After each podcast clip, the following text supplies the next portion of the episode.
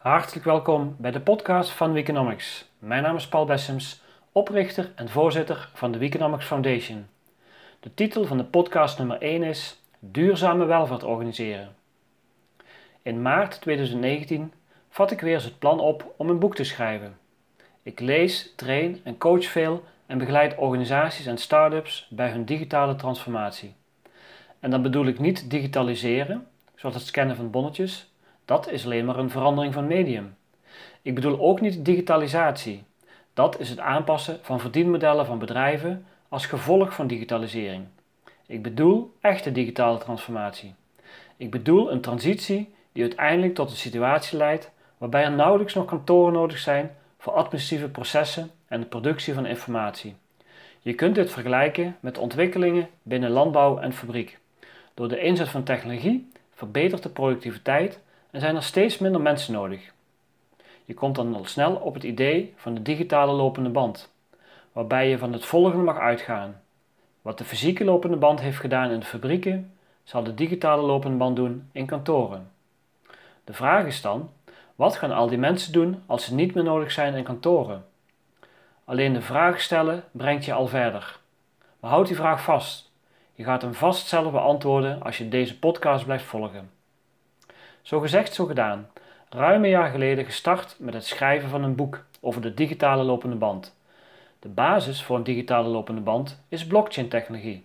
Die creëert rijke data die je met datalogistiek aan elkaar koppelt om een antwoord op een vraag te geven, een claim te verifiëren of bijvoorbeeld informatie te produceren.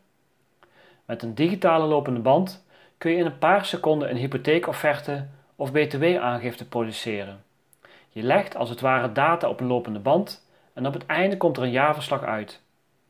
En over de blockchain had ik al veel geschreven, dus appeltje eitje dacht ik. Maar mijn werk, en daarbinnen de inzet van organisatiekunde en datatechnologie, moet altijd een maatschappelijke context en relevantie hebben. Anders doe ik het niet.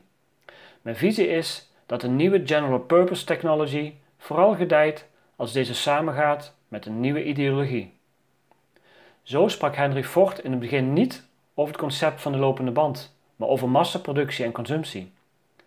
De fysieke lopende band bestond al lang voor Henry Ford, maar kon na 1913 gedijen omdat deze uitvinding begeleid werd door een nieuw geloofssysteem. Het geloof in toenemende welvaart voor een breed publiek. Ik betaal jullie lonen niet, zei Henry Ford. Dat doen de auto's die jullie maken. Ik ben maar een doorgeefluik. Ergo, hoe meer auto's gemaakt worden, hoe meer inkomen, hoe meer auto's verkocht worden. De productie-consumptiespirale is geboren. Een concept dat ons tot de dag van vandaag veel welvaart brengt. De vraag is tegen welke prijs? Op de uitvinding van Henry Ford volgen de Roaring Twenties van de vorige eeuw. De vraag is of we nu, met de uitvinding van de digitale lopend band, ook de roerige jaren 20 van onze eeuw zullen krijgen. Ik denk het wel.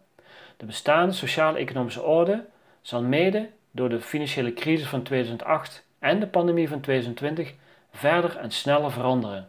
En hierbij speelt de digitale lopende band, het zal niet direct bij je opkomen, een belangrijke rol. Naast digitale transformatie begeleid ik organisaties ook bij hun purpose, hun bijdrage in en de transitie naar een brede en duurzame welvaart. Mijn boodschap is steeds dat de waarde van onze welvaart wordt overschat en de kosten worden onderschat. Productie en consumptie zijn niet in evenwicht. We kopen welvaart door geld bij te drukken en de kosten voor de belasting van het milieu en andere beheerskosten voor de volgende generaties worden niet meegenomen. Ik help organisaties relevant te blijven. Duurzame welvaart organiseren met behulp van moderne organisatiekunde en datatechnologie speelt erin een belangrijke rol. Een onduurzame samenleving in het hier en nu is ook een oneerlijke samenleving voor het daar en later. De belangrijkste transitie die we in de roerige jaren 20 van deze eeuw zullen doormaken, is de transitie van een systeem dat gericht is op steeds meer welvaart maken naar een systeem dat gericht is op het verduurzamen van wat we hebben. Om dit te realiseren zullen we meer tijd vrij moeten maken voor sectoren en thema's waar tekorten zijn. Denk aan zorg, onderwijs, veiligheid, democratisering, circulaire economie, duurzame energie en klimaat. De benodigde tijd hiervoor is te winnen, niet in de landbouw de fabrieken, daar zijn we al heel productief, maar in kantoren. Door kantoorverslaving en digitale verspilling tegen te gaan, hoeven we minder kantoorwerk te doen. Het surplus kunnen we besteden aan de verbreding en verduurzaming van onze welvaart, aan ons welzijn en ons welbevinden. Met de Weekonomics missie, Work Less Achieve More, willen we binnen één generatie kantoorwerk halveren.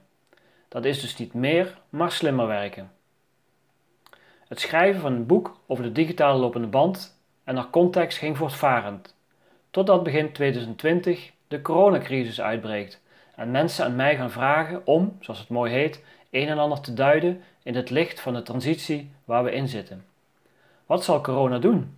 Wat betekent het voor het klimaat, ons zorgstelsel en de economie? Zal het de transitie naar een brede en duurzame welvaart versnellen of vertragen? Wat betekent corona voor het anders organiseren van leren en werken? Hoe bouwen we een corona-app en een kennisinfrastructuur om sneller een vaccin te ontwikkelen of een intelligente lockdown-strategie te bepalen? Wat betekent dit voor onze mobiliteit en globalisatie? Wat vind je van de lijst met vitale beroepen? En wat betekent dit voor andere beroepen? Welk werk gaan we straks doen en hoe organiseren we dat? Wat vind je van de aantasting van onze grondrechten? Tot en met de vraag of corona de definitieve doodsteek is van het kapitalisme. Allerlei vragen waar ik bij het beantwoorden van min of meer steeds uitga van één perspectief. Wat betekent dit voor de transitie naar een nieuwe sociaal-economische orde? Nu ben ik iemand die het beantwoorden van vragen niet uit de weg gaat, maar graag wel efficiënt aanpak. Ook ben ik niet zo geïnteresseerd in de antwoorden voor morgen, meer in de vragen voor het komende decennium. Door patronen te volgen, vanuit verschillende perspectieven te kijken en organisatieprincipes toe te passen, ben ik vooral geïnteresseerd in het fundamenteel verbeteren van bestaande oplossingen voor de lange termijn. Maar die lange termijn begint voor iedereen vandaag. Als je nu niet voorsorteert op de uitvoering van een visie voor over 10 jaar, ben je binnen die termijn niet meer relevant. De beste digitale strategie is je bestaande analoge organisatie obsolet te maken. Dat klinkt cru, maar als jij het niet doet, doet iemand anders het wel. De meeste organisaties die ik ken gaan niet verliezen van hun concurrenten, maar van zichzelf. Dat komt door een halstarrige opstelling en geloof dat de huidige manier van werken de beste is. Een van de belangrijkste uitdagingen bij innovaties is mensen ervan overtuigen dat de manier waarop ze nu hun werk doen misschien niet de beste manier is. Adapt or die is meer dan ooit van toepassing in de Roaring Twenties van de 21ste eeuw. Je purpose zal bij moeten dragen aan verduurzaming. Digitale transformatie is daarbij een middel en geen doel op zich. Mijn stelling is dat er geen menselijke problemen zijn die we niet kunnen oplossen, zolang we maar de juiste vragen durven te stellen. De toekomst is duurzaam, digitaal en decentraal. De vraag is welke bijdrage jij eraan gaat leveren. Tot zover deze podcast. Wil je meer informatie? Kijk dan op onze website weconomics.org.